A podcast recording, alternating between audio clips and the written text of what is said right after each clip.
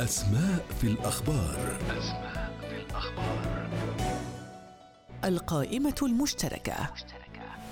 هي تحالف سياسي يضم أربع أحزاب عربية في إسرائيل وهي الحزب الثالث من حيث الحجم في الكنيست.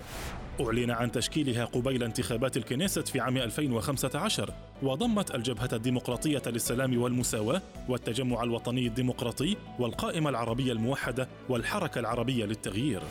لدى إنشائها ترأس القائمة أيمن عودة الذي شغل منصب الأمين العام للجبهة الديمقراطية للسلام والمساواة بين عامي 2006 و2015 كان العامل الأساسي وراء تآلف هذه الأحزاب هو رفع نسبة الحسم في الأصوات على مقاعد الكنيست من 2% إلى 3.4% حصلت القائمة المشتركة على 13 مقعدا في الكنيست وكانت هي المرة الأولى التي تتقدم فيها الأحزاب العربية بقائمة موحدة إلى انتخابات الكنيست.